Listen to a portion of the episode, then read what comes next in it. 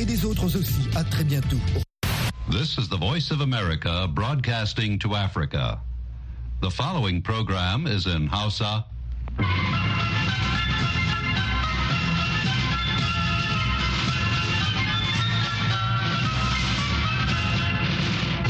haka yake sashen hausa na murya amurka ne ke magana daga nan birnin washington dc masu sauraro assalamu alaikum. Barkamu kuma da kasancewa tare da ku a wannan shiri na yau laraba shi daga watan biyu a shekara ta 2024 da fatan an waye gari lafiya. Alheri grace abdu ce tare da maryam dauda da sauran abokan aiki ke farin cikin kasancewa tare da ku da safe yau. Kafin ku ji abin da muke tafa da shi ga maryam da kanin labarai. A jiya talata wata kotun ɗaukaka ƙara a birnin Washington ta yanke hukuncin cewa tsohon shugaban Amurka Donald Trump bai da kariya daga tuhume-tuhumen da ake masa na yunkurin sauya sakamakon zaɓen shugaban ƙasa na shekarar 2020. Sakataren harkokin wajen Amurka Anthony Blinken ya faɗi cewa shugabannin ƙungiyar Hamas sun mai da martani akan kudirin kulle yarjejeniyar sakin sauran mutanen da aka yi garkuwa da su a Isra'ila. Mayakan Houthi da ke samun goyon bayan Iran sun sake yin watsi da kiran da Amurka ta yi akan su daina kai hare-hare kan hanyoyin jiragen ruwa na ƙasa da ƙasa. To kamar yadda kuka ji a gabatarwa wannan hukuncin da kotun ta yanke jiya dangane da batun kariyar tsohon shugaban kasa Donald Trump na ci gaba da ɗaukar hankalin al'umma. To sai dai masu fashin baki da kuma kula da lamura na cewa wannan ba zai shafi takarar shi ba. Ko menene dalili?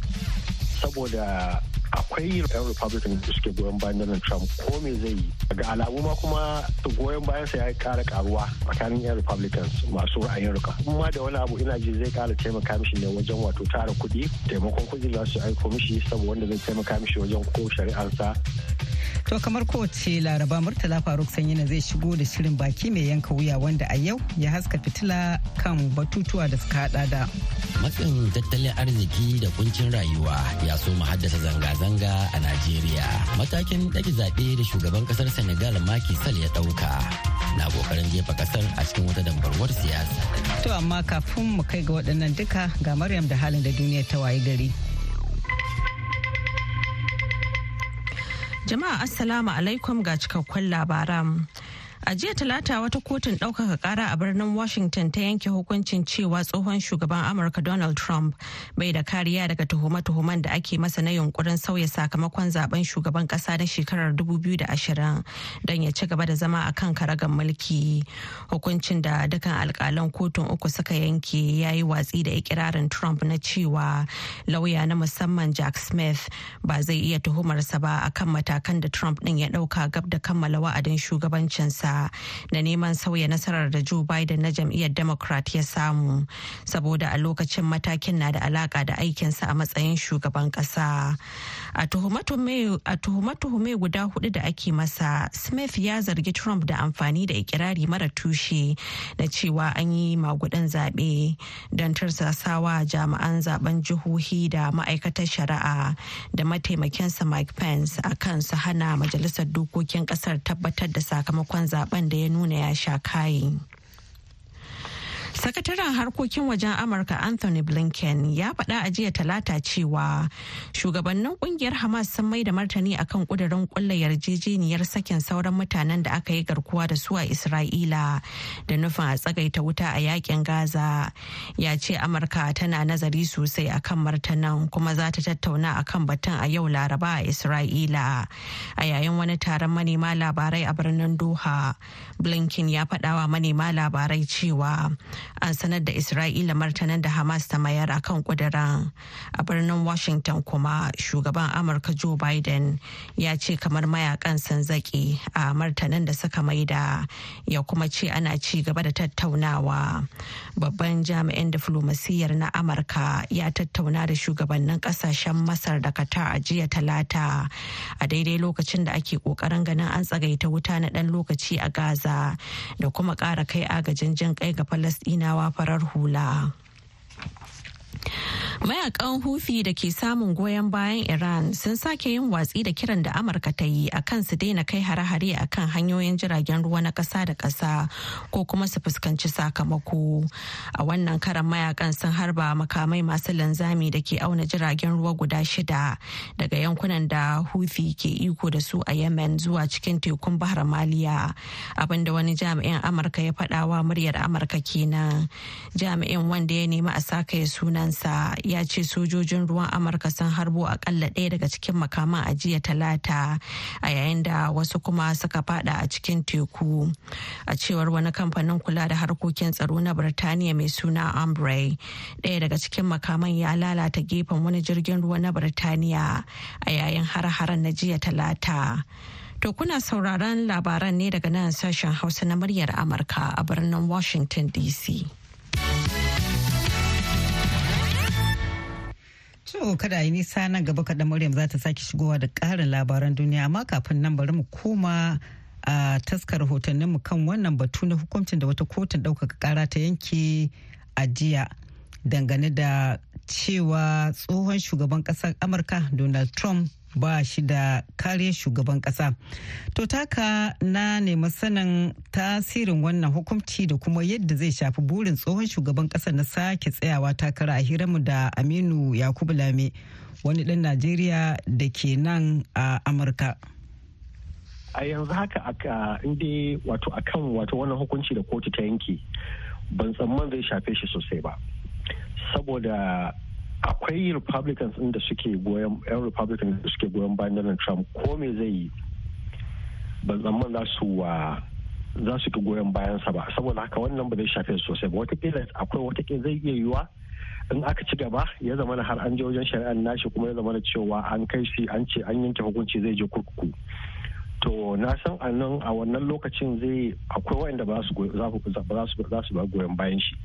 Amma yanzu haka yadda akan da wannan hukuncin mai tsamman zai ga alamu ma kuma su goyon bayan sa ya kara karuwa wato a tsakanin yan republicans masu ra'ayin riƙa wanda suke goyon bayansa saboda haka ma da wani abu ina ji zai kara taimaka mishi ne wajen wato tara kuɗi taimakon kuɗi za su aiko mishi saboda wanda zai taimaka mishi wajen ko shari'arsa. Don yana akwai shari'o'in da yawa da kotu daban-daban da yake da shi a cikin wannan shekara zuwa shekara mai zuwa. To saboda shi yasa nake gaba zai wannan dai ba zai zama ba zai shafi shi sosai har ya zama na cewa ya shafi sha'anin takararsa ba. To akwai binciken da waɗansu fitattun kafofin sadarwa suka gudanar na baya-bayan da ke nuni da cewa goyon baya da yake samu tsakanin eh. masu kada kuri'a ya kara samun a ci gaba fiye da a lokacin da suka tsaya takara da Biden shekaru huɗu da suka shige. Menene kake gani ya janyo haka? To, na farko irin wato wannan bincike na ra'ayi ya bambanta na farko ya bambanta daga ko ta akalla ne a shirya a cikin littafi ya kamata ne a binciki mutane daban-daban kuma a wajeje daban-daban. Duk da haka ci za a wato akwai har yanzu har yanzu siyasa ba da fara sosai ba. Donald trump kuma wato saboda rikice-rikicensa yadda wasu yawanci yan america suke da tunani za su iya cewa suna bin goyon baya sa yanzu. Amma kamar yadda ake cewa siyasa siyasa musamman siyasar america kwana ɗaya ma kusan shekara ne to balantana ana da kusan shekara guda ma kafin aje wajen zaɓe da sauransu. Abubuwa da yawa za su yi canza. Hmm. amma ni a ra'ayina babban abin da zai zama ya shafi wato donald trump. A yanzu a yanzu akwai wasu ra'ayi da suke nuna cewa yana sama da da joe biden. Saboda yawanci 'yan america suna wato suna saka laifin lalacin tattalin ƙasa wa shugaban da yake ci ne hmm. duk da kuma cewa biden ya canza abubuwa abubuwa suna gyaruwa tattalin kasan yana kara karuwa mutane ana ɗaukar su aiki da yawa da shauransu wato tsadan kaya kuma yana dan faɗuwa kadan kuɗin man fetur yana faɗuwa hakan nan amma duk da haka sun za su ci sun ci gaba da saka wato laifin kan joseph biden ne tun da duk da kuma cewa yawanci wannan abubuwa ne wanda tun lokacin wato policies din trump ne ya saka su wannan inflation da shauransu to amma kuma da kuma abubuwan covid. To amma kin ga yawanci da ke america kowa abin da suke ji a yanzu ne hmm. yake sa suke wato canza ra'ayin su shi wanda yake ci yanzu shi za su ci abin nan. Kuma haka ne ko da ko da democrat ne republican na wajen a yanzu da za su ɗora masa laifi. Duk da abubuwa suna canza to amma kuma daga nan zuwa 'yan watanni wataƙila yan amerika suka fara ganin cewa eh wayannan abubuwan kamar su tsadan kaya su tsadan man fetur da shawansu suna ganin cewa wato suna ganin amfanin shi. Amfanin shi wato kamar cewa ba kuɗin da suke kashewa da akan wayannan abubuwan kamar kayan abinci da shawansu a ga ya dan ragu. Suna suna samu su ajiye wasu kuɗin su wasu abubuwa daban maimakon kawai a wajen abinci da sayan wato al'amuran yau da kullum dai. Mai fashin baki kan harkokin siyasa amurka aminu yakubu lame a yi rashi da murya amurka ga maryam da ci gaban labaran duniya. Sakamakon rashin nasarar da tawagar wasan ƙwallon kafa ƙasar kamaru ta yi a gasar cin kofin nahiyar afirka da ake yi yanzu haka a ƙasar ivory coast a yayin fafatawar da ta yi da najeriya inda aka doke ta da ci biyu da nema. Hakan ya sa shugaban hukumar ƙwallon kafa na ƙasar kamaru da ake kira fika ford samuel eto ya yi murabus daga mukamansa. Amma kuma wani kwamitin zartarwa ya yi watsi da shawarar da eto ya ɗauka har ma ya sabanta goyon bayansa ga tsohon dan wasa wasan. Coach Suleimani da ke horar da wata ƙungiyar wasan ƙwallon kafa ta matasa a Kamaru ya yi wa wakiliyar muryar Amurka Maimunatu Sadu karin bayani akan batun. shan ce miki banga abin da ya sa za a watsar da wannan murabus in aka ɗauka daga farko daga lokacin da shi president samuel eto ya ɗauki gamarar wannan ƙungiyar be yi wani abin a zo a gani ba zuwa har zuwa yanzu da ake tafiyan nan bayan an je kofin duniya an dawo ba yi wani nasara ba aka zo yanzu kuma aka tafi kofin afirka wanda ake bugawa a kasan cote d'ivoire wanda aka cire kamaru bayan tafiya na biyu. Samuel eto ya bidiro da wannan sanarwar ne wa mambobin kwamitin gudanarwa na comic a yayin gudanar wani taro a birnin yawunde sakamakon rashin nasarar indomitable lions inda ya buƙaci sauran ma da su bi sawunsa. E game kuma da shi e, coach in e, son bahana shi ma ya ci yayin murabus. Inda ka je wani tournament ka je kai wani abubuwa wanda ba ka yi nasara ba shi in ka dawo shi kai murabus. Haka ake son eh, coach wanda ya san abin da ya kamata. In kika lura a, a shi kofin african da ake buga wannan akwai kococi da yawa wanda suka yi murabus bayan ba su samu nasarori ba a duk wasan da suka buga kin ga wannan ya cancanta amma shi son ba na har yanzu bai yi murabus ba amma kin ga mataimakin shi eh, Sebastien Meye shi ai yayi murabusai. To a gaida Maryam Dauda da karanto labaran duniya daga nan sashen Hausa na murya Amurka a birnin Washington DC.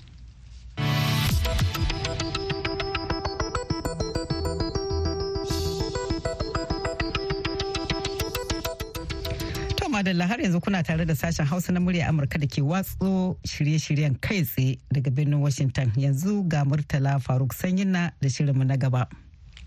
Baki mai yanka wuya.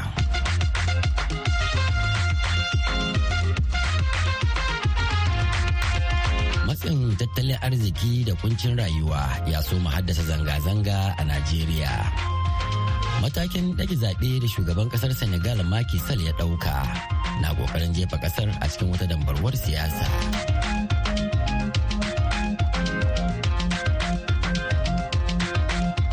Jama'a assalamu alaikum. Tun bayan sanarwar janye tallafin man fetur da gwamnatin najeriya ta shugaba bola ahmed tinubu ta yi a ranar da aka rantsar da shi a watan mayun da ya gabata 'yan ƙasar suke korafin tsananin rayuwa da tashin farashin man fetur ya haifar wanda kuma ya shafi farashin kayayyaki. Manazarta na cewa kuma lamarin na ta ƙara kamari kawo yanzu musamman tashin goron zabi da farashin kayan masarufi suka yi kazalika da taɓarɓarewar darajar kuɗaɗen ƙasar na naira idan aka kwatanta da canjin dalar amurka.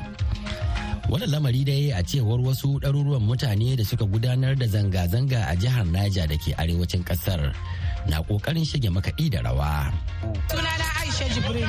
Muna yi ne saboda abinci ya yi tsada kuma gwamnati ba ta yi mana komai ba muna neman rangwame ne na kayan abinci. Dan Allah muna son gwamnati ta yi kyakkyawa ta duba taso da shi yau da safe ta kawo mana sassauci a cikin lamarin.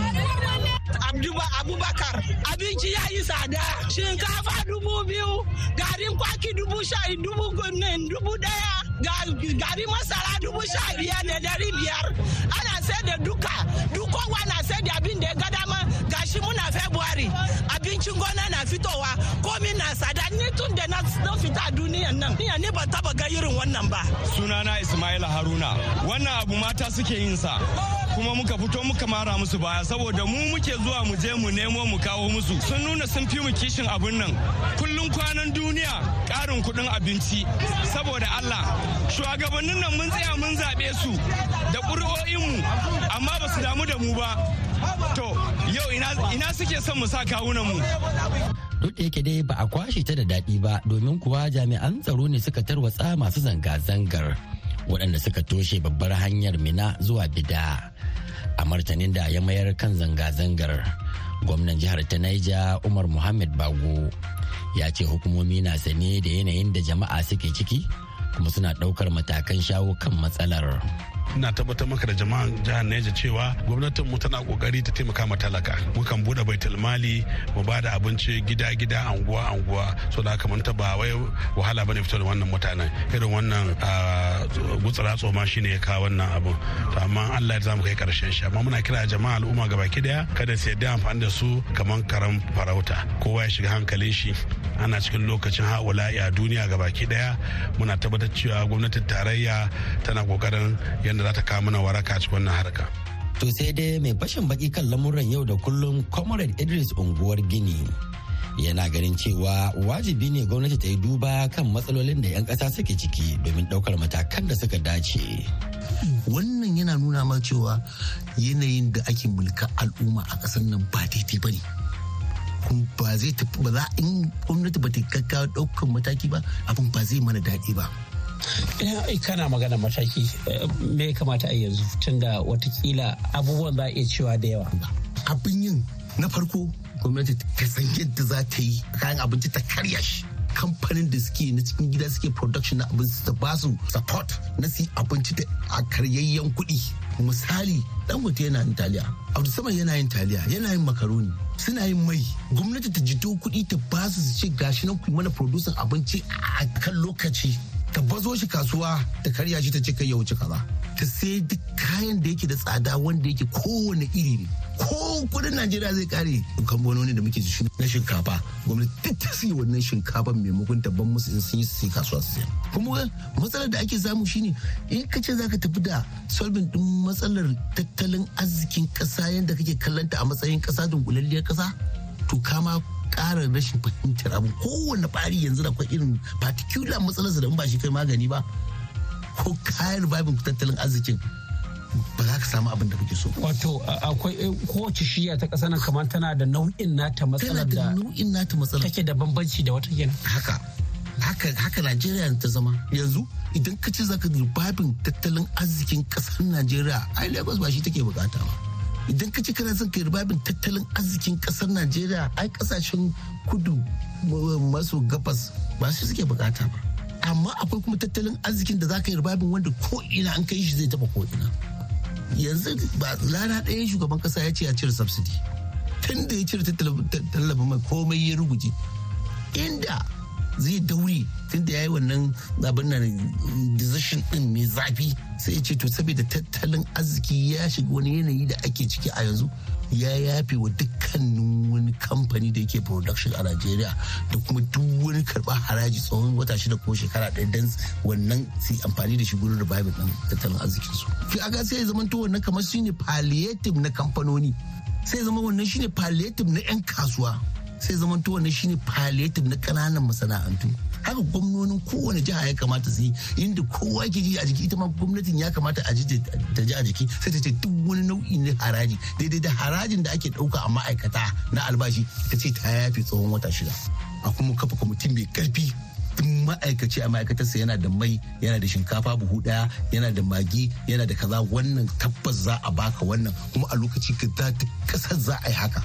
Duk wanda aka kama da ya ci wannan gidan harbewa ko kuma shekara life to life. Domin civil right zai sannan ko zaka bari ka sama yan zanga-zanga da suka yi su kuma ba su da alaka ai da gwamnati. To hikimar wannan in kai wa yan fensho yan kasuwa ma'aikatan gwamnati ka sa kuɗi akan a cikin kasuwa kenan. Sannan ma'aikata sun yi spreading. Wani yana da oba abinci zai fito da shi ya sayar a karye wanda ba su da aikin yi su kuma za su samu kwafa.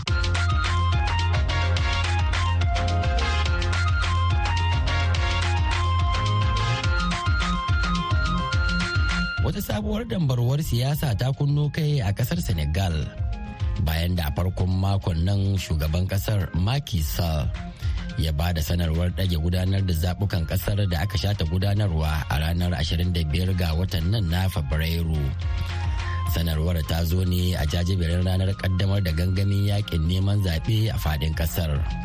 Yayin da kuma 'yan ƙasar suke dokin zuwan ranar domin zaɓen sabbin shugabanni. Lamarin da kenan ya sa wasu 'yan jam'iyyun hamayya tara tarzoma da nufin kalubalantar matakin ɗage zaɓen da suke fassarawa a matsayin juyin mulki. mai fashin baki kan harkokin siyasa abdulrahman alkasum ɗan ƙasar nijar da yanzu haka yake a birnin dakar ya yi bayanin dalilin da suka sa shugaban ƙasar ya ɗauki wannan mataki to shuna abubuwa da suke faruwa ana iya cewa wasu abubuwa ne wanda rabon da su faru irin su a ita ƙasar senegal ta 1963 sanin kowa ne cewa ita senegal tun 1948 suka fara zaɓuɓɓuka na gama gari wanda ke hada jam'iyyoyi da dama a kasan sauran ƙasashen afirka wanda ana iya cewa demokuraɗiyya ba ta tabbata ba. Sai bayan tarurrukan kasa da aka yi na 1989 kamar irin na benin republic da sauran ƙasashe daga 1990 to wani abu ne wanda za a cewa na bazita gama garin mutane. Wanda kawai gito shugaban kasa ya jawabi ya ce za a dage zaɓe. Amma abubuwan da suka biyo bayan haka ana iya cewa an samu wasu matsaloli na rashin yarda tsakanin hukumomin ƙasa majalisar dokoki da kotun tsarin mulki wanda ke cikin wani abu irin na bazita aka samu wata haɗin gwiwa ta tsakanin jam'iyya wadda ake cewa pds ta tsohon shugaban kasa abdullahi wad wanda dan shi yana daga cikin 'yan takarar shugaban kasa wanda ba a tabbatar da takarar shi ba saboda yana da fasfo guda biyu. Yana da fasfo na ƙasar faranshi yana da fasfo na ƙasar senegal. Shi kuma tsarin mulkin senegal bai yarda da a kasance ba a zaɓi shugaban ƙasa wanda ke da fasfo guda biyu. An samu zanga-zanga cikin gari ko cikin ƙasa. Amma abin da ake cewa abu biyu ne su jam'iyyoyi na adawa ko jam'iyyoyi masu 'yan takarar shugaban ƙasa akarin su abin da suka ɗauka za a fara kamfen a yau wayewar sahiyar gobe. Saboda haka su riƙe tsarukan su na bisa kan haka amma al'ummar gari suka bazama cikin wurare da dama ungoyi da dama na cikin garin dakar da suke nuna ba su amince ba da haka. Kuma magana ita majalisar majalisar dokoki ba ta da hurumi musamman kamar na kara ma shugaban kasa wa'adi ko hurumi na ɗage zaɓe kuma a dokokin ƙasai shi shugaban ƙasa yana iya kiran ranar fara yana iya kiran zaɓe amma baya da hurumi na hana yin zaɓe. Kotun tsarin mulki ta kaɗai ke da wannan hurumin. Kuma ita zauwa yanzu ba ta yi hakan ba. Kuma banda shi akwai magana ta yarda ana zargin wasu daga cikin mutanen kotun tsarin mulkin guda biyu akan sun amshi cin hanci sun tabbatar da takarar wata mace wadda ake kira da suna rawasu wadda ita kuma tana da takardu ita ma na zama 'yan wata ƙasa. An shiga wani hali na bazita bayan da abubuwan da aka gani 'yan shekarun da suka wuce na zanga-zanga da na kame 'yan adawa da dalmar shugabannin su da hana wannan da wancan takara. Wannan shine kuma ana iya cewa gaba ɗaya ma demokradiyyar ta afirka ta yamma ta shiga gaskiya halin tangal-tangal kuma ana iya cewa kwalo-kwalo na ecowas. To idan ba a hankali ba ya ɗauki ruwa saboda bayan ya yi ma shi wannan kwalo-kwalo na ecowas da magana na tazarce irin na cote d'ivoire da guinea aka samu matsaloli kuma um, da suka biyo baya na canza hukumomi um, bayan juyin mulkin soji bisa kasa wasu wa'annan hukumomin da ake zargi bisa tunkarar matsalolin tsaro. Yanzu kuma wani daga cikin wanda shi ya tsaye bisa kan duka matsalolin da wasu ƙasashen ke fama ya ga shi ma ga halin da suka fada. Kasar senegal ta fada. Na gaskiya ana iya cewa ma hali ne wanda yawa ana iya cewa babu hukuma kuma tsarin mulki ma gaba da ya maida shi gangan kuma hukumomin na demokaradiyya su ma sun koma gangan. Tuni da da ƙungiyar raya ƙasashen afirka ta yamma ta ecowas ko sidiyawo ta fitar da sanarwa tana cewa tana sa ido kan lamarin na ƙasar senegal tare da alwashin ɗaukar matakin da ya dace idan damar hakan ta taso. To sai dai a ra'ayin masu fashin baki irin dr abba sadiq jami'i a cibiyar nazari da bincike kan lamuran yankin sahel. Wannan sabon al'amari ne da ba taɓa ganin irinsa ba a ƙasar ta senegal. Eh, lalle wannan mataki da shugaba makisal ya ɗauka na ɗaga zaɓe eh, mataki ne mai kawo mamaki kuma mai kawo rududiya a ƙasar senegal da kuma ƙasashe wanda suke kallon abin da yake faruwa a senegal. Saboda lokacin da ya zaɓa na ɗaga zaɓe ranar kaman washe gari za a buɗe kamfani na zaɓen to shugaba makisal ya daga zaɓe kuma ba a kan wata ka'ida ta ba shi wannan uzuni na daga zaɓe ba. Saboda kamar yadda kundin eh, tsarin mulki yake a ƙasar senegal lokacin aka ce an yi zaɓe kuma shi hukuma wadda take iya cewa zai ta takara ya sun riga sun gaya takara ba wanda yake iya dawowa ya ce sai an buɗe eh, wannan shari'a ta wanda za a sa wanda aka ba izinin su ta takara na zuwa shugaban ƙasar senegal. To saboda haka ne abin da shugaban makisa ba a taba ganin shi ba ba a taba yin shi ba a senegal. Ba a taba cewa ba an sa ranar zaɓen shugaban kasa an daga shi tunda senegal ta samu mulkin kanta yau shi da shekara 64 za a ce. To shi ne sa yanzu kaman ya sa ƙasar shi cikin ba wanda ya san abin da yake iya faruwa gobe. Abu ne wanda babu shi cikin tsarin mulki na senegal kuma ba a taba gani shi ba. Kenan ya zamanto ba wanda ya ce ina senegal ta kwana gobe. Tun da shi shugaba maki sal baya cikin takara ba shi da wani izinin cewa a yanda kundin zaɓe yake a ƙasar senegal. Ya ce ya ɗaga zaɓe saboda akwai wanda ba a sa ba kuma saboda ko wani tashin hankali. Yanzu an ɗaga zaɓe.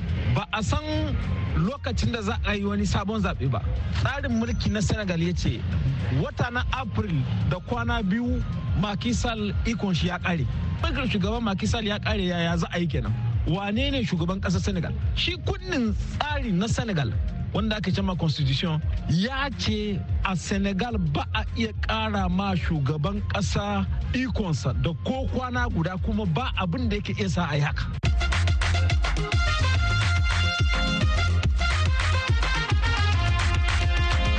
Saurare a nan za mu dasa aya. Sai mako mai zuwa inda za mu kawo muku wani sabon shirin. Godiya ga wakilan sashen hausa suleiman barma mahmud ibrahim kwari da mustapha nasiru fatsari sai daɗi balawe da ya daidaita mana sautin shirin. Murtala faruk sanyin na ke muku sallama daga washington dc to a gaida na sanyin na kafin mu karkare ga takaitattun labarai. A jiya talata jakadiyar Majalisar Ɗinkin Duniya ta musamman a Iraki ta yi kira da a dakatar da kai duk wasu hare-hare a ƙasar tana mai gargaɗin cewa hare-haren za su iya mai da hannun agogo baya a namijin ƙoƙarin da ƙasar ta yi wajen samar da zaman lafiya da sauran nasarori idan aka ci gaba da kai hare-haren. Jakadiya Janen Hennes Plashard ta faɗawa kwamitin sulhun Majalisar Ɗinkin Duniya cewa waɗannan hare-haren sun samo asali ne daga ciki da wajen iyakokin iraki. A ranar juma'ar da ta gabata ne sojojin amurka suka kai wasu hare-hare ta sama akan wasu wurare uku a iraki. A zaman wani ɓangare na ƙoƙarin kawar da wuraren kai hare-hare kusan 170 da mayaƙan da ke samun goyon bayan iran ke kaiwa kan sojojin amurka a yankin. Irin waɗannan ƙungiyoyin mayaƙan da yawa suna gudanar da ayyukansu a iraki. Amurka ta kuma kai hari a wurare huɗu a makwabciyar ta siriya. Ma'aikatar tsaron pentagon ta ce gaba ɗaya dai an lalata wuraren mayaƙan sama da tamanin. To a gaishe ki da takaitattun labaran muka kawo ƙarshen shirin baki ɗaya idan mai sauraro yanzu ya kamo shirin za a iya sauraron shirin baki ɗayan shi a lokacin da muke shigowa da hantsi kamar kullum. Kuma za ku iya sauraron shirye-shiryen da dukkan rahotanni da muke gabatarwa hamma da kare a shafukanmu na sada zumunta facebook ko twitter. Za kuma iya samun mu a intanet voa hausa com a madadin dukkan waɗanda kuka ji muryoyinsu da suka hada da daɗi balawe da ya hada shirin da ba da umarni. Alheri ke muku fata alheri sai kuma da rana ku ji abokan aikinmu da wani sabon shiri. Ku wuni lafiya ko kuma mu kwana lafiya. Da alheri.